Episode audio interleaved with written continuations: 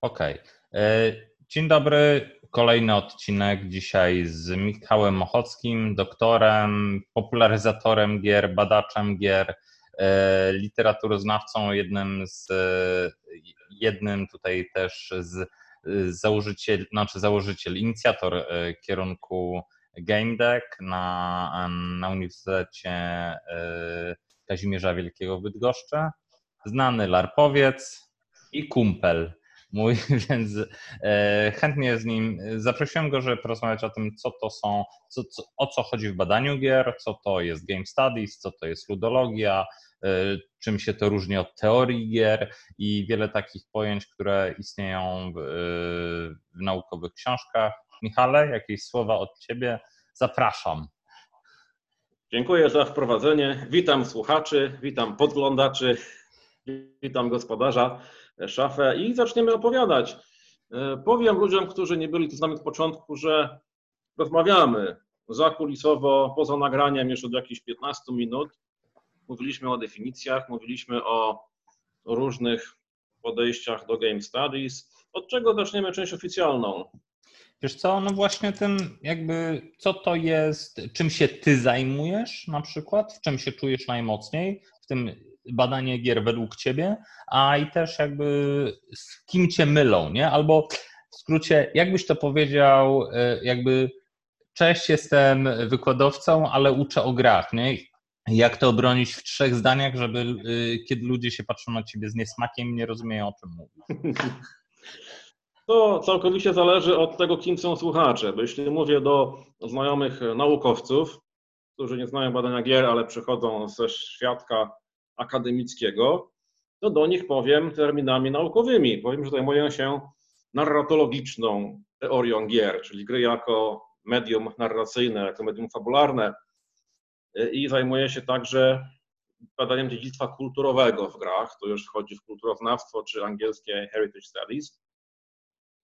A gdybym miał mówić e, licealistom na konwencie, e, to bym zaczął od porównań do mm, recenzji blogowych, czy filmoznawstwa, czy krytyki literackiej, tak samo jak można pisać o strukturze, imersji, opowieściach, przekazie w literaturze, czy w filmach, y, czy w komiksach, można to samo robić o grach. Ale ja myślę, że powinniśmy na początek trochę uporządkować y, te szerokie pojęcia. Game studies, ludologia, badanie gier, czy to jest to samo, czy co innego. No właśnie, I właśnie. trochę zdumiewa, że ludzie e, na takim regulatorskim forum w ogóle chcą słuchać o takich nudnych pierdołach, jak akademickie definicje. Wiesz co, są wakacje, więc może tak trochę im brakuje. Nie no, wydaje mi się, że to jest po prostu ciekawe, bo robimy to intuicyjnie i to jest tak jak słuchasz ludzi z pasją, tak samo jak, nie wiem, o jedzeniu, tak? Ciekawie się słucha ludzi, którzy wiedzą o czym mówią, czy tak samo o filmach. My, jako tacy amatorzy, możemy powiedzieć, czy nam się gra podobała, nie podobała. Czasami potrafimy powiedzieć, czego konkretnie nam w niej brakowało lub co konkretnie z niej wyniesiemy, ale y, zakładam, że ty ze względu na swoje doświadczenie i jakby warsztat potrafisz po prostu precyzyjniej rozłożyć to na składniki, powiedzieć, gdzie tutaj jakich przypraw zabrakło albo co było gotowane za długo. Tak? To jest no, tak... Ja bym powiedział odwrotnie. To właśnie mm, twórcy gier, producenci, wydawcy nie są amatorami, tylko są profesjonalistami w tej branży akademicy przychodzą trochę z zewnątrz i próbują to szkiełkiem i okiem pomierzyć. To oczywiście podział trochę sztuczny, bo bardzo wielu akademików, którzy zajmują się grami naukowo, maczało też palce, czasem po łokieć w tworzeniu gier. I odwrotnie, ci, którzy robią gry, też mają ze sobą jakieś studia, jakieś modele teoretyczne, których używają. Ten podział jest bardzo mocno sztuczny, ale trochę jest, zwłaszcza w retoryce. To u mnie jest tak, że ci ludzie często właśnie wychodzili, jakby mieli, jakby na przykład studiowali różne ciekawe kierunki, ale y, zazwyczaj nic związanego z grami, bo w tym czasie jeszcze takich rzeczy za bardzo nie było. Tak? No sam, sam zdajesz sobie sprawę, że to była garstka ludzi zrzeszonych właśnie, nie wiem, tych kół naukowych na pewno było mniej, tak? Nie wiem, jak długo działa to Polskie Towarzystwo Badania Gier i jak, jak szybko mogli sięgnąć do polskojęzycznych materiałów na ten temat. Ja, wiesz, można było przeczytać, nie wiem, leksykon Pijanowskiego, tak? To była chyba najbardziej popularna rzecz, która, która była książką o grach, tak? A tak to czytaliśmy, nie wiem, przykładowe y, takie poradniki, nie wiem, jak, jak zanimować zbiórkę harcerską. No, to są. No właśnie, to od tego chciałem e, zacząć, żeby pokazać, y, czym dzisiejsze Game Studies, badanie gier różni się albo nie różni od y, naukowych badań nad grami, które mają dużo dłuższą historię. No Jeśli właśnie. patrzymy na dzisiejszych e, badaczy, którzy siebie identyfikują jako game scholars, e, jako robiący w groznawstwie, to ta historia akademickiego groznawstwa, kiedy zaczęły powstawać katedry, studia, e, ścieżki rozwoju zawodowego związane z badaniem gier komputerowych zwłaszcza, to jest kwestia ostatnich 20-30 lat. Okej. Ale gry w kulturze człowieka istnieją od zawsze i odkąd była akademia, to jakaś forma badania gier pod kątem różnych ścieżek naukowych była prowadzona. Na przykład wykorzystanie gier w edukacji. Tak. Ale też pedagogika. Antrop, antropologia, e- etnograficzne studia zawierające zabawy ludowe. No. Tak, bo zanim powstała ta nauka Game Studies, która zajmuje się ściśle badaniami na temat gier, czy badaniem gier w różne, w różne sposoby, mamy całą naukę, która badała gry jako jeden ze swoich obiektów studiów. Tu mówię o psychologii, która badała, jak gry wpływają na umysł człowieka, czy na przykład szkodzą, czy uzależniają, albo czy pomagają się rozwijać. E, Tu mieliśmy historyków, którzy badali gry jako jedną z form e, kultury, produktów, produkcji człowieka. Historia szachów na przykład, jaka jest e, gigantyczna, tysiące lat i odkąd istniała akademia na zachodzie, to te szachy gdzieś tam były jako forma twórczości kulturowej, jako forma rozrywki, jako forma edukacji. Czy włączamy gry sportowe do gier? To też jedna z tych definicyjnych czy praktycznych decyzji. No Jeśli tak. tak. to refleksja nad sportem, nad historią gier sportowych, nad y, wykorzystywaniem gier sportowych dla kultury fizycznej też się mieści w No tak, masz- ja, ja myślę, że trzeba w momencie, kiedy e-sporty stają się sportem pełnoprawnym, no to właśnie dziwne by było rozdzielenie tego na jakby wydzielenie. Czyli podsumowując, jedna rzecz, którą chciałem powiedzieć, to właśnie to, że zanim powstały Game Studies, te dzisiejsze Game Studies, to jest e, ogromna historia e, badania gier planszowych, gier sportowych, e, gier towarzyskich, jak słynnego Dupaka, która była uprawiana na historii, na psychologii, na pedagogice, na e, mnóstwie różnych e, katedr w wielu dyscyplinach naukowych. Czyli tu groznawstwo nie jest niczym nowym. Okej. A trochę jest czymś nowym. To, co nowego powstało w groznawstwie dzisiejszym, to po pierwsze gry komputerowe, które wysunęły się e, na prowadzenie. Gry wideo są w centrum Mhm. badań groznawczych. Do tego stopnia wręcz, że wiele groznawczych e, uniwersytetów w ogóle nie badało planszówek, czy, czy larpów, czy gier sportowych, które nie były e-sportami, tylko gry komputerowe, tylko gry cyfrowe. No co jest, co jest trochę dziwne, no bo wiele inspiracji, jak możesz badać, to, to, mi, to mi ten e, Kula, czyli Piotrek Milewski, który tam, z którym współpracujesz, e, no powiedział, no chcecie się uczyć gry, no takie na przykład, takie, które odnoszą sukces, tak, no to zaprojektujcie mi Hearthstone'a nie wiedząc o co chodzi w, plansz, e, w karciankach, nie? Jakby przecież, no przecież to jest jakaś ślepa uliczka, takie myślenie. E, Jeden z czołowych badaczy gier właśnie komputerowych, Espen Orset z Kopenhagi, mówi, że gry komputerowe to w ogóle nie są gry. Gry komputerowe są programami komputerowymi, które zawierają gry. Gra jest w środku. A czym jest gra komputerowa? Jest najpierw programem, dopiero potem ma w sobie grę. No tak, no ale tak samo jak my teraz sobie testując planszówki online, tak, no to robimy właśnie, yy, no to mamy Tabletop Simulator, w który wgrywamy yy, fizy jakby reprezentację jakichś takich 3D elementów, na których sobie gramy, no. A planszów, y, jeżeli coś wydajemy jako grę, jest po prostu bardziej oskryptowana, no. Więc no. To, to, my możemy to tak interpretować. Ale tak to jest jedno, pytanie, jedno z pytań, które zadawałem studentom na, na wykładach e, z gier. E, pytałem, czy to jest gra komputerowa czy sportowa, albo komputerowa czy planszowa.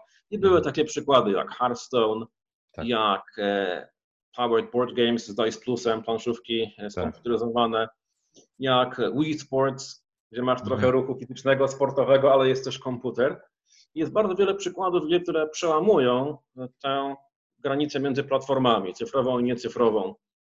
No tak, ale to jest tak samo jak, okej, okay, jeżeli byś dał dwa materiały, tak samo teraz myślę, że w analizie, nie wiem, na przykład jeżeli byś dał komuś dobrze wyreżyserowane słuchowiska radiowe i audiobooka, tak, każde jako dobre przykłady swojego, nie wiem, gatunku czy realizacji, myślę, że wiele osób na pierwszy, na, na pierwszy słuch, no no, ciężko byłoby to odgadnąć. No, musieliby się głęboko wsłuchać, na jakie medium to zostało przeznaczone. A teoretycznie, jakby są to, produkuje się trochę inaczej, tak, sprzedaje się na pewno zupełnie inaczej, a tak samo są. Yy, no, a, a są jakby tak bardzo do siebie podobne. Nie? Czy to jest wsteczne, czy to jest raczej właśnie, że pracujemy na wspólnym rdzeniu i tylko sposób wyrazu udoskonalamy. Tak, w naszym foreplayu, zanim zaczęliśmy nagrywać, mówiliśmy trochę o różnicy między grą a zabawą. No właśnie, to warto to powtórzyć. Wspomniałeś o grach imprezowych, które, y, jak to ująłeś, są często bardziej zabawą niż grą, albo są słabo zgrywalizowane. Tak. Gra, która ma mało cech gier. No, no, no właśnie, jest to... to... też jest zagadnienie naukowe, które jest moim zdaniem koszmarnie nudne dla nienaukowców, a naukowców z kolei bardzo emocjonuje. To kłócenie się o definicję, żeby napisać taką definicję, taki opis gier, żeby tam pasowały wszystkie gry, a żeby tam nie dało się zmieścić czegoś, co grą nie jest. I to się zawsze wykłada na przypadkach granicznych, bo twórczość człowieka nie mieści się tak bardzo ciasno w szufladkach i zawsze przyjdzie ktoś, kto wymyśli taki rodzaj twórczości, taki rodzaj zabawy, gry, które będzie na pogranicze, będzie mieć połowę cech definicji z tej strony, połowę z tamtej, ale wciąż się to robi. Ty mówiłeś o definicjach gry przede wszystkim poprzez reguły i wynik.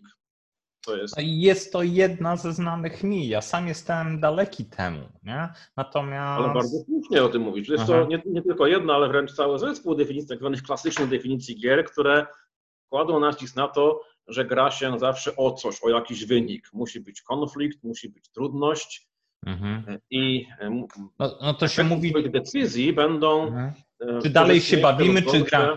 To, to jest ten moment, w którym wiesz, ktoś sięga po portfel, no to bawimy się dalej, czy gramy już na poważnie? No. no. A temu nurtowi podłożyła trochę nogę e, grupka praktyków, twórców, wizjonerów, którzy powiedzieli, że to właśnie jest niedobrze, że gry się definiuje przez e, granie na wynik, na punkty czy na zwycięstwo, bo to powoduje, że ludzie chcą pokonywać innych. Mhm. Takie definiowanie gier, takie układanie nauki o grach, jako nauki o systemach, w których podejmujesz decyzje po to, żeby wygrać, czy żeby osiągnąć lepszy wynik niż ktoś, to jest antyspołeczne. Lepiej robić gry, które są takie bardziej jako powieści. Okej. Okay. Wyobraź sobie walking simulators.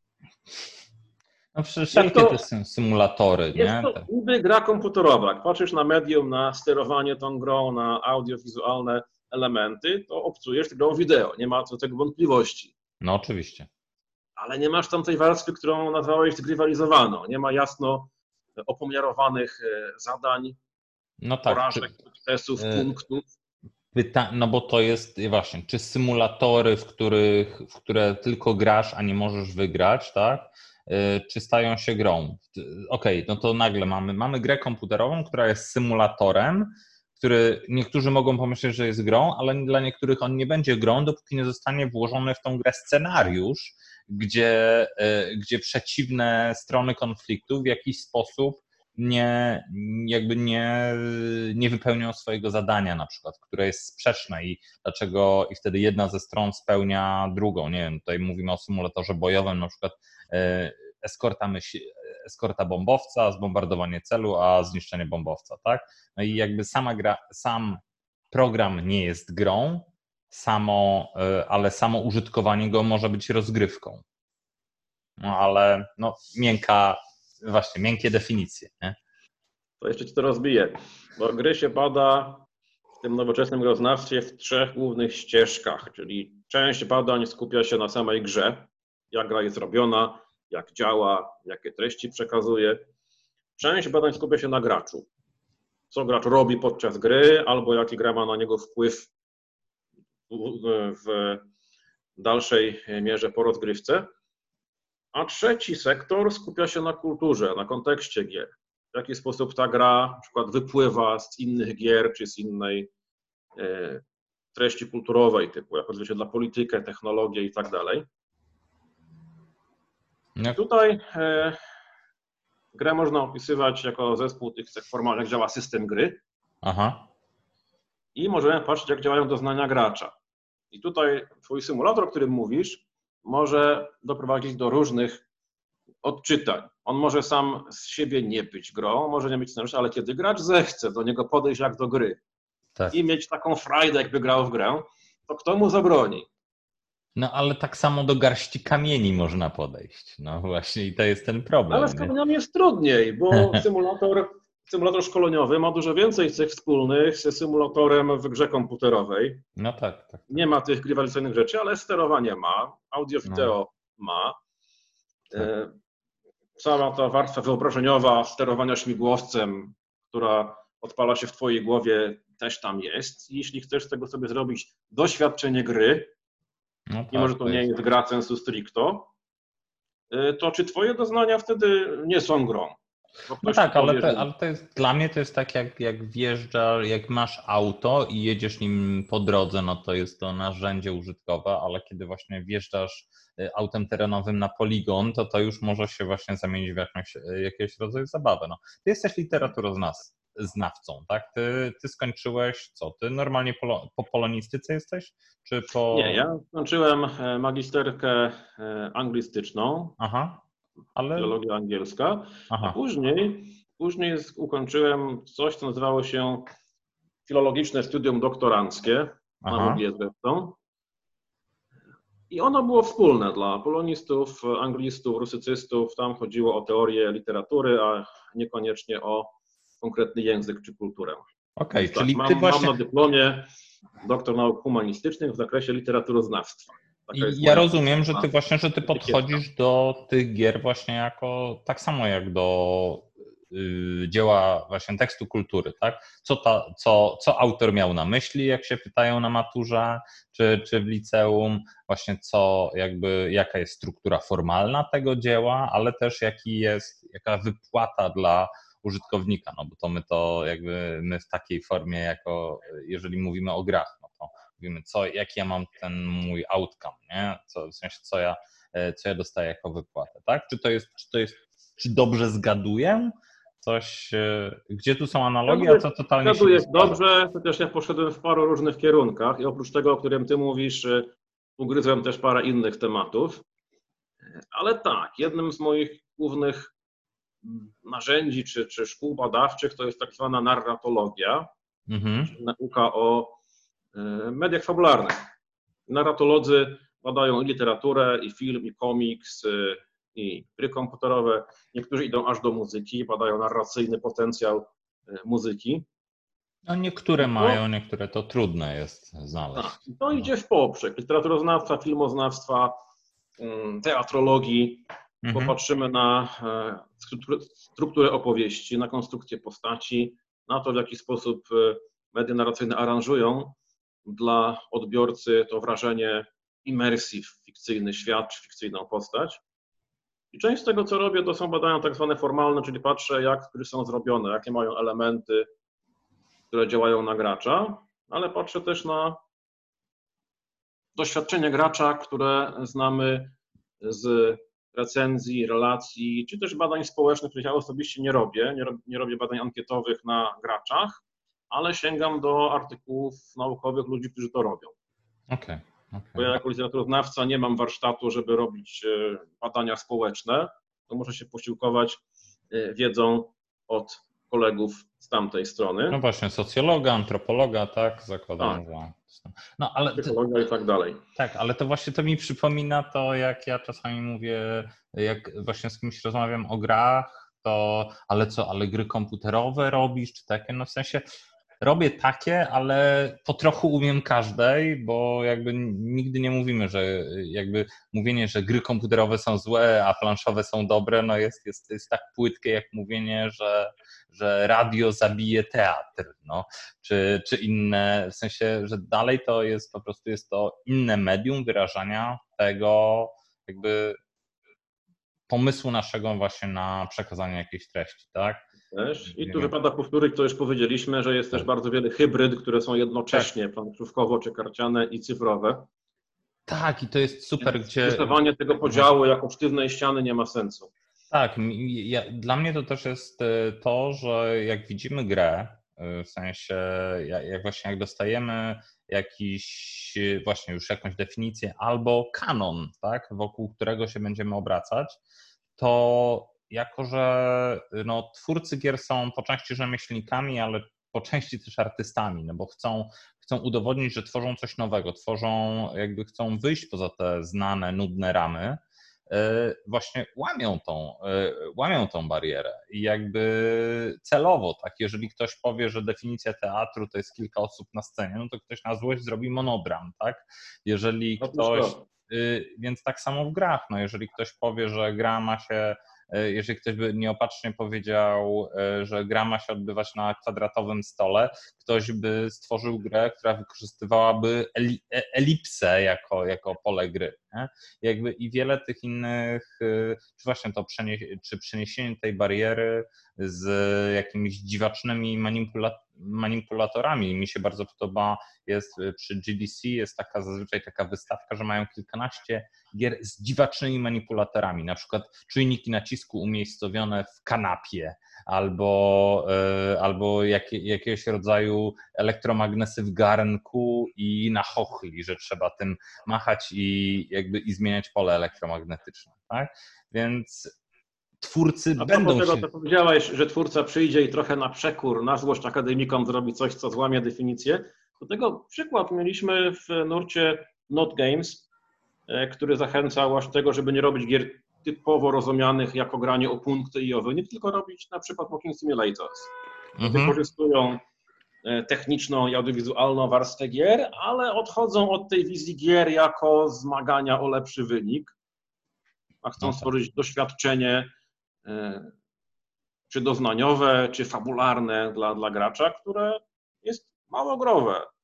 No, ale Dobra, to... ale wróćmy do mhm. tematu, jasne, bo my teraz jasne, bardzo jasne. ładnie płyniemy E, po różnych zagadnieniach, które nas ciekawią, definicje, tam praktyki twórcze, ale e, trochę nam się rozpełzła ta mapa myśli, którą chciałem narysować. Okay. Mówiliśmy o, o Game Studies, mówiłem o tym, że takie groznawstwo akademickie dzisiejsze się utworzyło w ciągu ostatnich 30 lat i tam w centrum tego były gry komputerowe, czy nadal są w centrum gry komputerowe. E, RPG, planszówki, sportowe gry są, są tam bardziej na marginesie.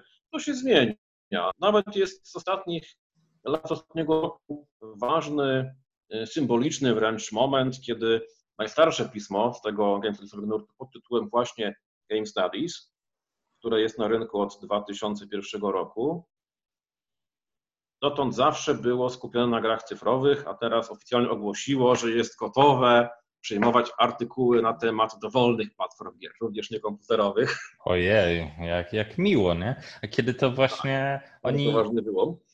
Ciekawe, nie? No bo przecież pierwsza litera, która, która była o grach, była o grach jakby właśnie yy, no, niekomputerowych, tak? Nawet jeżeli coś było tworzone a. na kompach, to pierwsze były badane powiedzmy RPG, no, a nie Pong. I pytałeś, pytałeś wcześniej o ludologię, o teorię gier, więc te pojęcia chciałbym ułożyć na mapce jedno obok drugiego. Więc mówiłem, że to dzisiejsze Game Studies, groznawstwo to są ostatnie 30 lat. Mówiłem o tym, że wcześniej mieliśmy no w sumie całą historię mm, uprawiania nauki na uniwersytetach, w dyscyplinach takich jak psychologia, historia, historia sztuki, która zawsze na gry spoglądała. Mhm. A e, takim punktem przejścia od tego starego groznawstwa do nowego to jest właśnie ludologia. Ludologia, e, koszmarek językowy dla filologów klasycznych, bo to łączy człon łaciński z greckim, tak się podobno nie robi. Tak, jak... grecki logos. Okej, okay, okej, okay. no, no, no. Filologów klasycznych zęby, zęby bolą, jak słyszą ludologia. Mniejsza z tym, ale e, początkiem tych game studies nowoczesnych była refleksja, dzisiaj się mówi, czy narratologiczna, to znaczy zapadają nad grami wideo, zabrali się w dużej mierze filmoznawcy, literaturoznawcy. Właśnie tak. podchodząc do gier wideo jako do nowej formy opowiadania historii. No, co się zgadza też, że niektóre właśnie uniwersytety to łączą tak do kupy. Tak. I do tego można podejść od strony filmu, albo teatru, albo literatury. Czym kto był, czy kto był teatrologiem, czy filmoznawcą, to tak się tym zajmował. No tak. No, ale to są gry, które mają ten łuk fabularny, to można tak, tak opisywać, nie? a nie wszystkie mają. Wielkie, to było wielkie odkrycie dla e, tych narratologów e, filmu, literatury czy teatru, że teraz jest nowe medium, które robi to samo, co medium dobrze im znane, ale inaczej, więc świetnie jest to pobadać, zobaczyć różnice, czy w ogóle być jednym z pierwszych, którzy chwytają się tych nowoczesnych rzeczy. Więc był bardzo, no tak, oni na to patrzyli wtedy jako na film interaktywny na przykład. Tak, był bardzo mocny taki pęd w latach 90. ubiegłego wieku właśnie e, na humanistycznych e, kierunkach, czy w humanistycznych katedrach, żeby badać wideo jako formę opowieści, czy formę teatru. I ludologia powstała w opozycji do tego nurtu. Ludologia początkowo była e, z definicji wroga, czy sprzeciwiające się, jak to mówili, zawłaszczaniu czy kolonizacji akademickiej, że przychodzą sobie literaturoznawcy na teren nowego medium, nie są u siebie, a chcą to zawłaszczyć. Że to jest ich pole badawcze. Ojej, ojej, no poszły w ruch mokre szmaty, no. Ja trochę przesadzam i e, mówiłem o tym piśmie Game Studies z pana Orseta w jednym z niedawnych numerów wręcz napisał, żeby już przestać mówić o tym sporze ludologów z narratologami, już nigdy nie chce słuchać, to już dawno było i minęło. Aha. Natomiast kiedy robimy coś takiego jak teraz, czyli jakąś próbę omapowania czy sylabusa gameplay, no to gdzieś tam ta założycielska debata czy założycielski spór jest.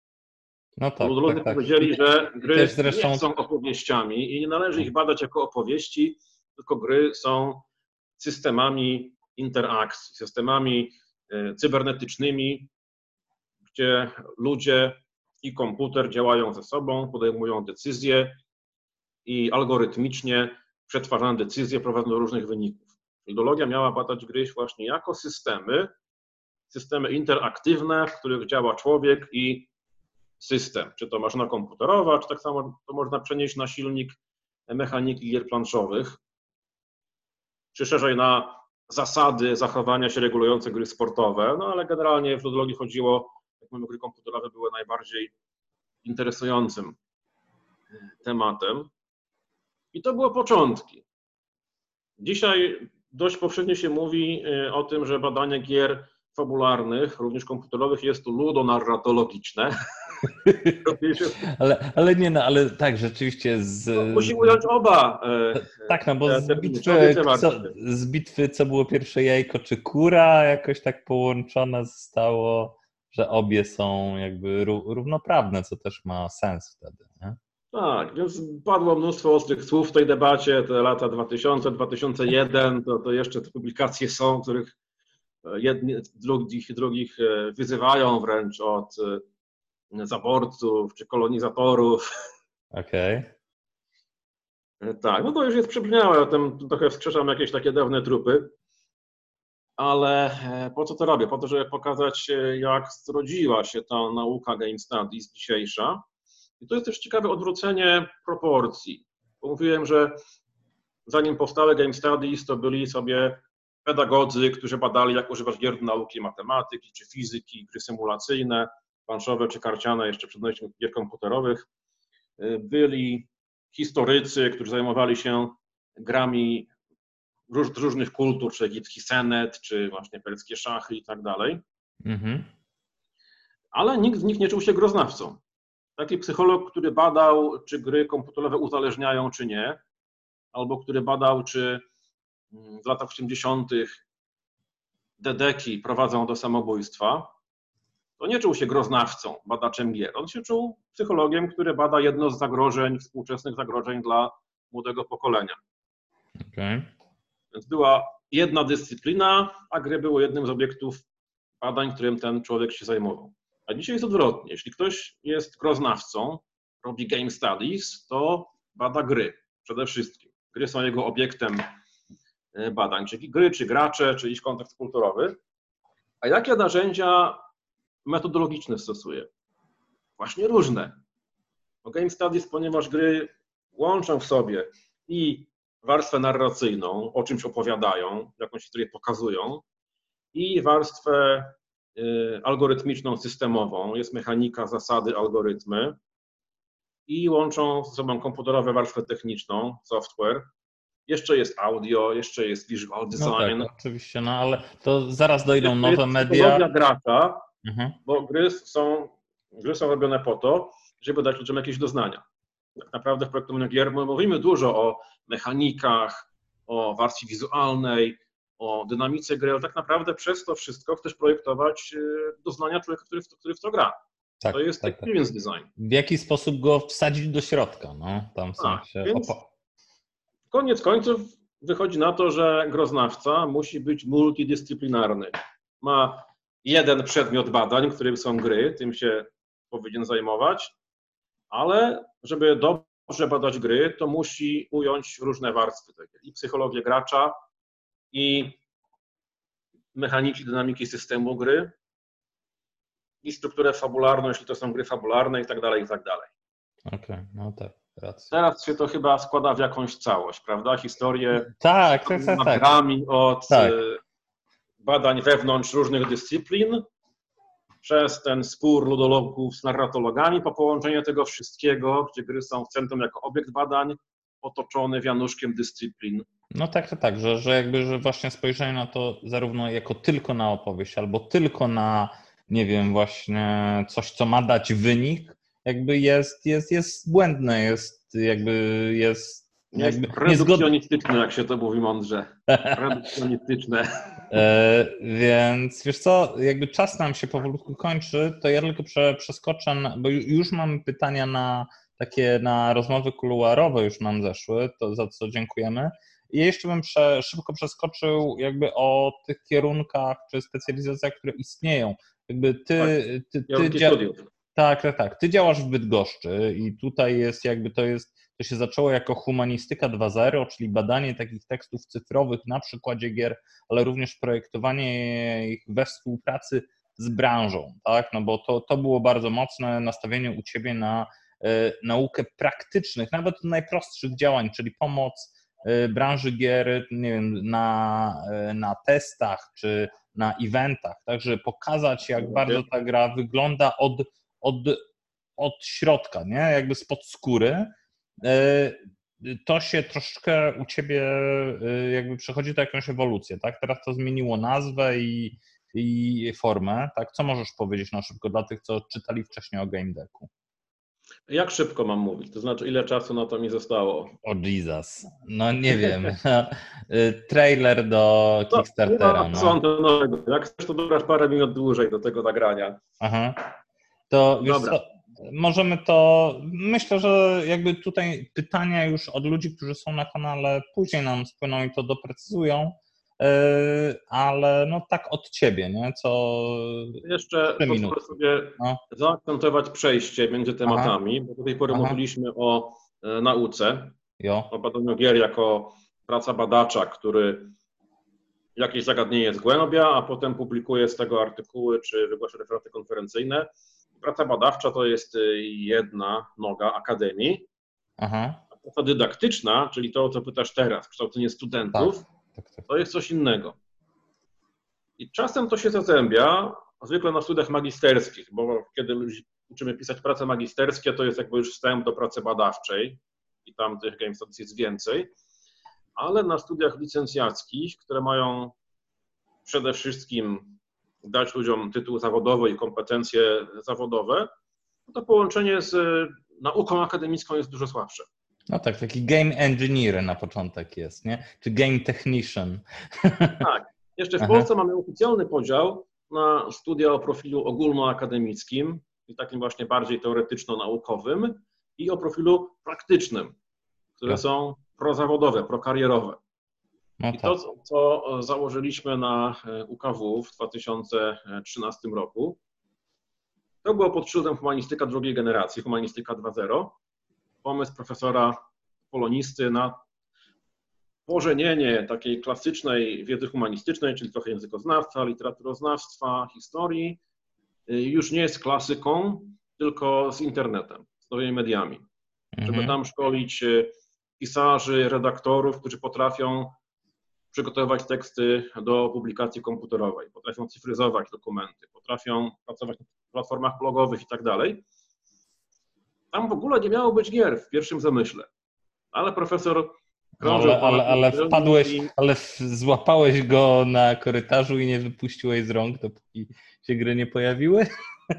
E, mniej więcej. Znaczy najpierw on trafił do mnie, bo chodził Aha. po uczelni i szukał takich różnych dziwaków, którzy robią coś nietypowego z, z humanistyką i liczył, że mu się dorzuci jakiś przedmiot albo dwa przedmioty do jego programu. Jak trafił na mnie, to mu zaproponowałem całą nową, czwartą specjalizację. Czyli 12 okay. przedmiotów specjalizacyjnych, żeby obok ścieżki dla redaktorów, obok ścieżki dla bibliotekarzy cyfrowych, obok ścieżki dla dziennikarzy internetowych, by były takie trzy, żeby jeszcze była ścieżka dla projektantów gier. I on ten pomysł łyknął. W ten sposób zaczęliśmy e, budować program, który był jedną ze specjalizacji na humanistyce. Okay. W tej formie to działa nadal. Przepoczwarzyło się bardzo mocno w minionym roku. Udało się wygrać grant na studia dualne, tak zwane studia dualne, co jest nowością w Polsce. Jedną z nowości, jedną z niewielu pozytywnych nowości ostatniej reformy. Okay. Można mieć studia dualne w Polsce. Dualne to znaczy, że są mniej więcej pół na pół prowadzone przez uczelnie i pracodawców. Aha, okay. jak, jak ty pamiętasz, od początku mieliśmy fioła na punkcie e, praktyki w tworzeniu gier. Od początku mieliśmy współpracę z branżą, wysyłaliśmy studentów na staże, zapraszaliśmy prelegentów z branży i tak dalej. Mieliśmy minimum 3 miesiące ciągłych praktyk w branży. W formacie dualnym jest nie 3, ale 12. Okay. 12 miesięcy nauki zawodu po prostu w branży, a nie, nie na uczelni. Ciekawe, nie? Bo to mi się tam gdzieś kojarzy, że w systemie anglosaskim była możliwość na przykład właśnie jakby zaczęcia studiów jakby wyższego poziomu, albo że warunkiem przejścia na studia właśnie jakieś takie zawodowe, kierunkowe jest przepracowanie czegoś już w branży, nie? To jest jakby troszeczkę to o tym pachnie. Tak, jest to w krajach anglosaskich, jest w, w Niemczech, u nas od, dopiero od niedawna można robić studia dualne to wciąż się nazywa humanistyka drugiej generacji. Tu się nic nie zmieniło. Mhm. Też wszystkie inne specjalizacje powymierały. Została tylko specjalizacja jedna, która jest, która jest y, grową. Mhm. Y, są to, do, przez większość czasu były to jedyne studia w Polsce, które postawiły game design w centrum. To okay. były studia dla projektantów gier z elementami game studies, humanistyki i innych rzeczy, ale tak, od e, zeszłego roku działa jeszcze game design na Wyższej Szkole Europejskiej w Krakowie. Okay. Czyli już są już od zeszłego roku dwa studia game designerskie. No tak, no, no natomiast no nie, no ale zacz, a pierwsze te, co było e, na Polsko-Japońskiej Wyższej Szkole Technik Komputerowych wtedy, była ta sztuka nowych mediów, gdzie tam był chyba pierwszy hen-hen kierunek. Ja pamiętam, że w 2001 czy 2002 tam już jakby zaczynało się projektować gry i prace tak. dyplomowe w formie gier się oddawało. To dla mnie było takim pierwszym pierwszym, nie? Które, o którym ja Jest dużo więcej i właśnie było mhm. dużo więcej kierunków, w których, tak jak mówisz, był game design, ale był jednym z komponentów. Okej. Okay. Bo kierunki studiów, które mają coś wspólnego z grami, częściej powstają jako właśnie specjalizacyjne warianty sztuk pięknych, czy animacji komputerowej, czy na przykład informatyki. No tak. Jest to program studiów, który ma swoje 80%, to jest informatyka, czy to są sztuki piękne, czy grafika użytkowa. I jakąś część, 20% powiedzmy, to są przedmioty e, game developerskie, czy, czy game designerskie. Mhm. Okay. Pytanie, jak to się przekłada na zatrudnialność branży? Jak spojrzymy na e, statystyki badań z e, raportów branżowych w grach wideo, to na pierwszym miejscu na rynku poszukiwani są kto? Wiadomo kto. No programiści. Pro, programiści. Na drugim miejscu są właśnie graficy animatorzy. E, dopiero na czwartym miejscu są projektanci gier, designerzy. No tak, tylko że patrz się nie na ich formalne wykształcenie, tylko czasami już takie projekty garażowe, ja bym tak rozumiał. Czy już zaczynać? Z kolei, czemu my poszliśmy w game design, czemu ja wciąż y, zajmuję się tworzeniem programów do game designu, Aha. ponieważ to jest z kolei pierwsza potrzeba na rynku usług edukacyjnych. Okay. Bo owszem, rynek pracy potrzebuje przede wszystkim programistów i grafików, animatorów, ale dla nich już jest mnóstwo kierunków studiów, które kształcą programistów, które kształcą grafików. Tak. I jest stosunkowo łatwo, dość szybko można przekwalifikować programistę ogólnego do programowania gier, mhm. czy, czy grafika do robienia grafiki akurat do gier.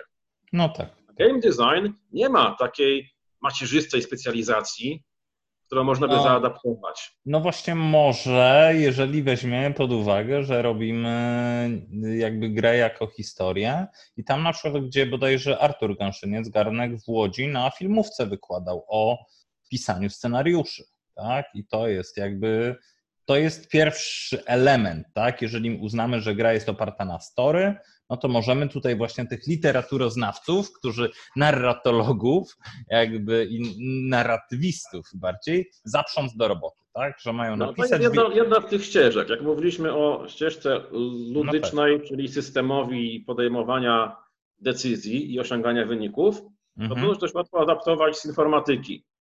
No tak. Tak, a warstwę fabularną można adaptować literaturoznawstwa czy, czy właśnie filmówki. Masz rację. E, a to, co mówiłem, że e, są tylko dwa kierunki, a przez dłuższy czas jeden skupiony na game designie, to miałem na myśli to, że jest to program napisany od początku, od nowa, jako program skupiony na kształceniu umiejętności projektanta gier. To jasne, jest jasne. I mający... specjalizacja game mhm. designerska dołożona do informatyki, czy do filmówki, czy do czegoś, tylko to jest program, który, którego core, którego ten trzon programu to mają być umiejętności. I, jasne, i pisane, i zakładam, że też pisane w świadomości już tej, że właśnie te kierunki, specjalizacje i cały rynek istnieje, a nie doklejane już właśnie do istniejącego tworu, tworzone jakieś właśnie takie narośla, hej, no bo rzeczywiście coś jest trendy, to dodajmy, dodajmy taki, dodajmy taki niuans. Taki nie, nie, mam, nie, mamy czasu omawiać tych poszczególnych szkół, ale wiesz co, wiesz co właśnie... naukowiec. No. Podam no. źródło. Podam no. źródło. E, jest raport Kondycja polskiej branży gier wideo z roku 2017. No okay. chyba jeszcze nie ma. E, tam jest lista około 40 kierunków studiów w Polsce, które mają coś wspólnego z grami. Okej, okay, to Coś dużo więcej... To znaczy, że są to zarówno takie kierunki, które są ściśle skupione na tworzeniu gier, jak i takie, które są informatyką czy sztukami pięknymi ze specjalizacją grową. Raport jest okay. do pobrania za darmo w PDF-ie i tam można sobie wykopać wszystkie programy, które były w roku 2017. No i to można sobie aktualizować. Nowe, niektóre umarły, ale to mhm. wciąż bardzo dużo rzeczy jest wciąż aktualne. Jasne. Wiesz co, to tak czy inaczej, już na tyle przedłużyliśmy, że i tak ja to będę musiał pociąć na dwa odcinki, więc mamy jakby, licznik nam się w międzyczasie zresetował, więc ja bym, ja bym opowiedział o tym, co ja wiem nie? i ty byś na przykład uzupełnił jakimiś tam ciekawszymi smaczkami, nie? bo to właśnie to są, to są takie na przykład rzeczy, które ja właśnie miałem. Nie? No to ja wiem, że jest ta krakowska ekipa tak zwana i to są właśnie ci tacy e, klasyczni badacze, tak? To jest wokół e, Majkowskiego y, tak. tam zebrane, czy możesz jakby rozwinąć jakby troszeczkę, jak oni tam działali? Ja wiem, że mieli jakąś konferencję, taką, to bodajże to na początku roku się odbywało zazwyczaj. Dobrze pamiętam? Możesz mi tutaj coś... Tak, tam bazą jest UJ. Aha.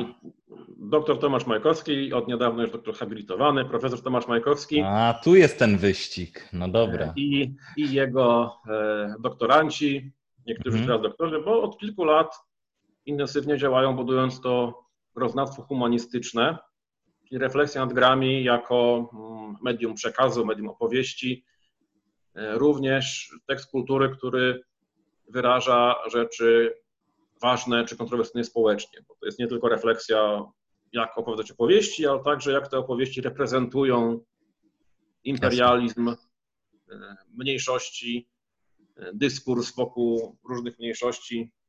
Jasne, jasne. No, This War of Mine, oni, tak, oni mogą wziąć właśnie na widelec. Jest to nie tylko literaturoznawstwo, ale też e, zahacza o te nauki społeczne. Okej. Okay. Mówiąc o konferencjach, pewnie masz na myśli seminarium groznawcze, taka jest specjalna nazwa, o, o, o, tak. które kiedyś było na żywo, teraz działa również w wersji online, ponieważ COVID, mhm. wiadomo. Mhm. Tak, i to jest jedno z, jeden z takich mocnych ośrodków, który produkuje i w języku polskim, i w języku angielskim teorie, na, teorie e, gier komputerowych, głównie komputerowych, chociaż nie tylko. Kumam, kumam. Wiemy właśnie tak, no jakby ja wspomniałem tą filmówkę łódzką, jest też warszawska, bodajże szkoła filmowa to jest prywatna, widziałem ich jak organizowali Game Jama i A. tam współpracują też z warszawskimi studiami. Y, I... O, ale znowu nam przeskoczyło z nauki Aha. na dydaktykę. Tak, no tak, ale jakby... Aha. Majkoszu i Ujocie, to mówimy tak. o ośrodku głównie akademickim, badania tak, nad grami. Tak, badaczy. Tutaj tak. innym takim dość starym Aha. ośrodkiem jest y, Centrum Badań Wideo na UMCS-ie wokół Radka Bomby. O, okej. Okay. To tego, to tego nie słyszałem. Znaczy jakby... Aha. Politechnikę e, Łódzką, która Aha. zajmuje się i dydaktyką, i nauką też. Aha. Od strony głównie techniczno-informatycznej, czyli software'u. No tak. Właśnie, A to, co ale... mówiłeś o Warszawskiej tak. Szkole Filmowej, to tak. oni przede wszystkim błyszczą jako kierunek e, praktyczny. Tak, i co jest u nich dość wyjątkowe, to że oni mają tam podpięte również liceum ze specjalizacją. Tak, liceum więc, jakby, więc oni to jakby ciągną, jakby już szybciej zaczynają ich tam, co, co, jest, co, co jest fajne, nie? w sensie to jest takie wow, nie? To jest takie marzenie rzeczywiście małego mnie, no jakbym o czymś takim No więcej, słyszę. oni siedzą w Warszawie, blisko tych e, czołowych producentów gier Jasne. i stamtąd mają kadrę. Tak, no tak. To jest tak, kluczowa rzecz. My też mamy ogromne szczęście, mieliśmy będąc w Bydgoszczy. Huge'a e, na miejscu. Jest e, siedziba Huge'a, Centrum Vivid Games, i szereg mniejszych firm robiących gry wideo, takich okay. jak, jak Vision czy, czy MadMind Studio, więc my też mieliśmy dostęp do licznej i dobrej kadry na miejscu, to jest bardzo ważne. Tak, tak, tak, no bez tego to... I wiadomo, że ani pod względem liczby, ani biznesu też nie konkurujemy z Warszawą. Tam Warszawska Szkoła Filmowa ma sieć kontaktów w bliskim zasięgu, no tak, no ale też będą, będąc prywatną uczelnią też jakby troszeczkę inaczej te struktury działają, zakładam, nie? Są jakby napędzani jakby bardziej takim, bardziej monetyzacją też tych pomysłów, nie? E, powiedzmy, że no wiem e, co nieco na temat Aha. szkoły, ponieważ rozmawiałem z ludźmi z branży, którzy konsultują nasze programy Aha. i pracują, czy pracowali na Szkole Filmowej Warszawskiej nie wiem, ile z tego nadaje się do przekazania. Nie, nie, nie. To Nagrania może na żywo. Raczej... w to. Ale jakby ogólnie, nie? Jakby zakładam, że uczelnie prywatne mogą szybciej na przykład zareagować na, na popyt na rynku. W sensie mogą tak. jakby, mają inną motywację w tym też, co jakby za, zarząd po prostu jest troszkę bardziej elastyczny. Też a propos prywatnych, nie? SWPS i DaVinci, nie? Też mają jakby mają na pewno swoje, e, jakby na DaVinci robiłem wykładzik dla koła naukowego, też dedykowany, Game Wizards dedykowanego grom wideo, SWPS bardziej pod kątem, też wiem, że było koło nawet tutaj w Sopockim oddziale, było koło naukowe, gdzie, e, gdzie Jesion, Maciek Jesionowski, współorganizator Laba, też prowadził swoje, swoje zajęcia, raz ich tam odwiedziłem. więc jakby tego jest dużo. Nie wiem jeszcze co, o Uniwersytecie Śląskim, on miał e, tam w tym oddziale zamiejscowym w Cieszynie na pewno miał, miał dedykowaną chyba grafikę, dedykowaną grom, a z takich, takich jeszcze śmiesznych rzeczy, które miały, miały być, a nie wypaliły, no to też e, szamana ten projekt, że miało być projektowanie gier na Akademii Marynarki Wojennej. Marzyło mi się projektowanie gier na symulatory bojowe okrętów, no ale, tak.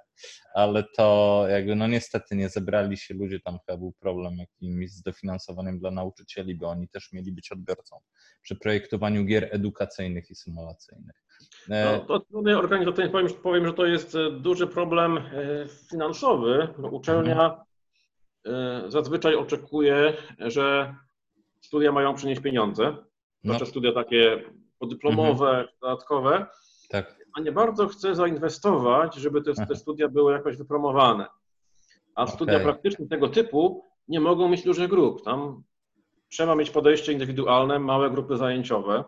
Jak już no 15-osobową, tak. to czesne od 15 osób musi sfinansować pensje wszystkich wykładowców i jeszcze zostawić narzut dla uczelni. Dlatego ta cena jednostkowa dla pojedynczego klienta jest niestety wysoka. Bo uczelnia potrafi z tego zabierać, zgadnij ile, jaki procent. Skąd ma... Nie, no jakby to jest dla mnie nie, nie, nie, nie do zgadnięcia skala. Nie, nie, bywa, nie... bywa, że 60. Okay. Że 60%. I to nie dochodu, ale przychodu. Od sumy, którą zbierzesz od, od ludzi, albo 40%, albo czasem 60% idzie od razu do centrali, wpada w worek bez dna E, do uczelni i tobie zostaje 40% czesnego od ludzi, żeby opłacić wszystkie koszty. Okay. Wynagrodzenie okay. co innego. Dlatego potem to się kalkuluje na poziomie kilku tysięcy złotych za semestr. Wtedy jest trudno zebrać nawet taką grupę. Rozumiem, e, rozumiem. No ja dlatego ja tym uczelniom pomagam pro bono, tak? Ja przyjeżdżam y, czasami i po prostu, no, jeżeli robię taki właśnie y, wykład gościnny, no to, to dla mnie to nawet nie chodzi o pieniądze. A ja widziałem bardzo e, trafne pytanie, przed chwilą mi się Aha. wyświetliło. Wiesz co, jakby jak przejdziemy właśnie do tych pytań możemy, możemy przejść sobie za chwilkę, chyba, że to jest jakby masz bardzo konkretne, nie? Jakby już tak, ten było temat... pytanie, czy właściwie komentarz y, dzielący badania naukowe od badań marketingowych, badań rynkowych. Tak. To też jest fajny punkt połączenia między branżą a akademią. Ja. To na mapie świadka naukowego jest e, w trójkącie. Definiują, badacze definiują sobie trzy rodzaje uprawiania nauki. Są badania podstawowe, to są najbardziej akademickie. Badania podstawowe są po to, żeby zrozumieć podstawę działania jakichś zjawisk, żeby lepiej zrozumieć, jak działa świat, człowiek, medium. I to się robi bez myśli o jakiejś praktycznej aplikacji. Jeśli nie wiadomo, co z tego lepiej zrozumiesz, jak działa człowiek, jak podejmuje decyzje, nie masz produktu, nie masz technologii, która z tego skorzysta bezpośrednio. Mhm. Może kiedyś ktoś wymyśli, nie o to chodzi, chodzi o poszerzenie stanu wiedzy. I to okay. są te badania, które zwykle się kojarzy potocznie z nauką i akademią, że są niepraktyczne. Są teoretyczne, są do snucia rozważań, do pogłębiania refleksji, ale co z tego wynika dla gospodarki? Tak. Bezpośrednio nic. I obok tego są badania rozwojowe, które właśnie są po to, żeby e, zbadać jakieś konkretne procesy technologiczne, e, czy, czy na przykład e, zrobić badania marketingowe. I tutaj jest przejście między naukami społecznymi, socjologią, psychologią, gdzie częścią pracy naukowej, częścią warsztatu badacza jest robienie ankiet i opracowywanie wniosków z no tak. ankiet. Te badania się bardzo łatwo przenoszą, aplikują do badań rynkowych na potrzeby marketingu, sprzedaży. No tak, tak, tak. Socjologia tutaj jakby i marketing w tym miejscu tak. bardzo, I bardzo są zrozumiałe. Trzecim wierzchołkiem trójkąta są tak zwane prace rozwojowe. To jakby badania, e, badania e, rozwojowe, ale na sterydach. Okay. Prace rozwojowe to już są po to, żeby Czysta futurologia. Tworzyć konkretną, działającą nową technologię czy nowy proces. Aha. No tak. Czyli mamy badania podstawowe, badania stosowane i, i prace rozwojowe. Cool. Te dwa z tych wierzchołków są praktyczne. Aha. Ten pierwszy bezpośrednio nie chce. Żebym się kłócił, że badania podstawowe, wiedza ogólna na temat podstaw zjawisk też pomaga znajdować aplikacje praktyczne. No dobra, wiesz co, jakby to, jakby za chwilkę nam pyknie właśnie cały drugi odcinek jeszcze. Czy coś jeszcze a propos, no ale a propos tego, jakby tego wątku uczelnianego, nie? czy ty widzisz jakby co byłoby, co widzisz, hmm, co radzisz, albo co widzisz, albo co byłoby twoim marzeniem właśnie na najbliższe powiedzmy 5 lat, co by mogło w Polsce powstać, albo co widzisz, że na świecie już powstaje, my musimy powinni byśmy nadgonić nie? w kwestii właśnie tego, tego akademickiego, yy, nie wiem, wkładu w branżę. Nie? Co, co, byś chciał, co byś chciał zobaczyć? Na to odpowiedź jest e, bardzo prosta i bardzo smutna i przyziemna. Pieniądze. Aha.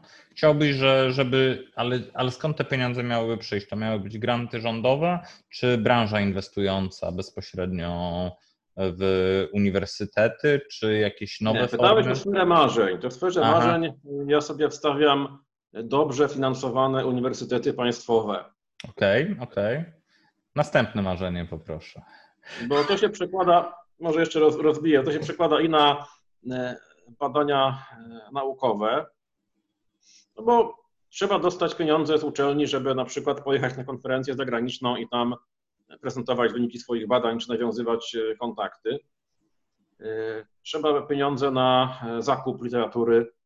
Na przykład w krajach Dzikiego Zachodu można sobie normalnie kupować gry do biblioteki akademickiej, w Polsce różnie to bywa. Powiedzmy, na naszej uczelni już przeszło kupowanie e, RPGów z, z grantów do biblioteki jako mm, przedmiot badań. Skoro można kupić literaturę piękną, powieści dla literaturoznawców, to też można kupić e, Wampira Maskaradę dla mnie. Mhm. E, ale nie wszędzie tak jest. Często ludzie mówią, że mają problem z tym, żeby zakupy gier sfinansować ze środków badawczych.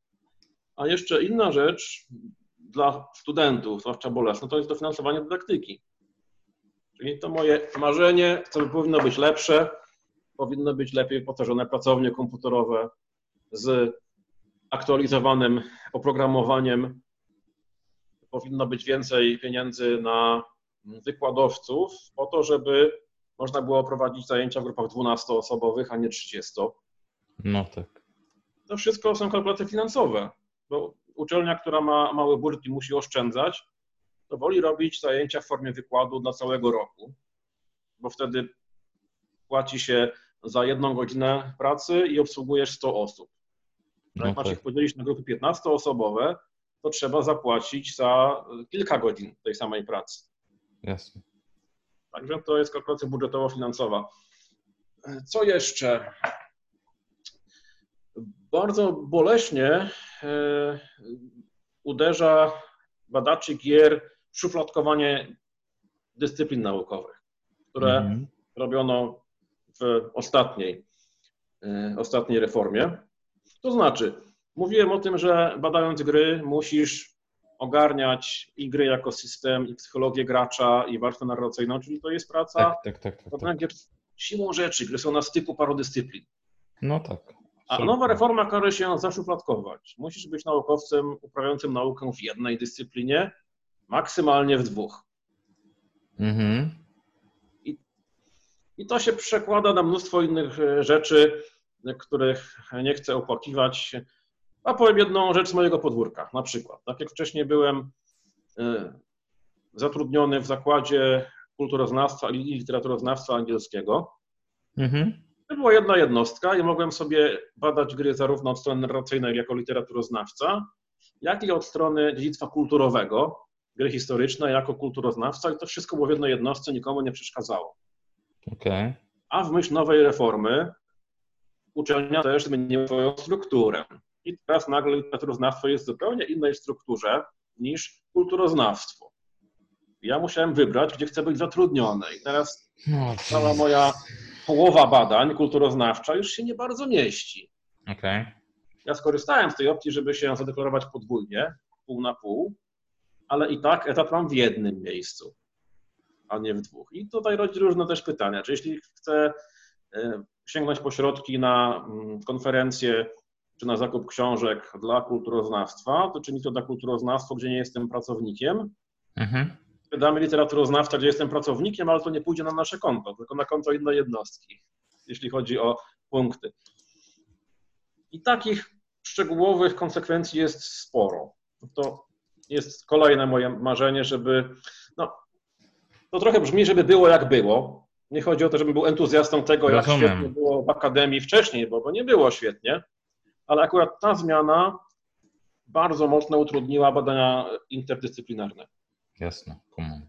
kumam. No tak, no to to jest. A przecież a te interdyscyplinarne, y, czy tam międzywydziałowe, innego rodzaju takie działania były, właśnie były takim powiewem świeżości, nie? To na takich rzeczach chciało mi się studiować, nie? W sensie, no szkoda. Dobra, wiesz co?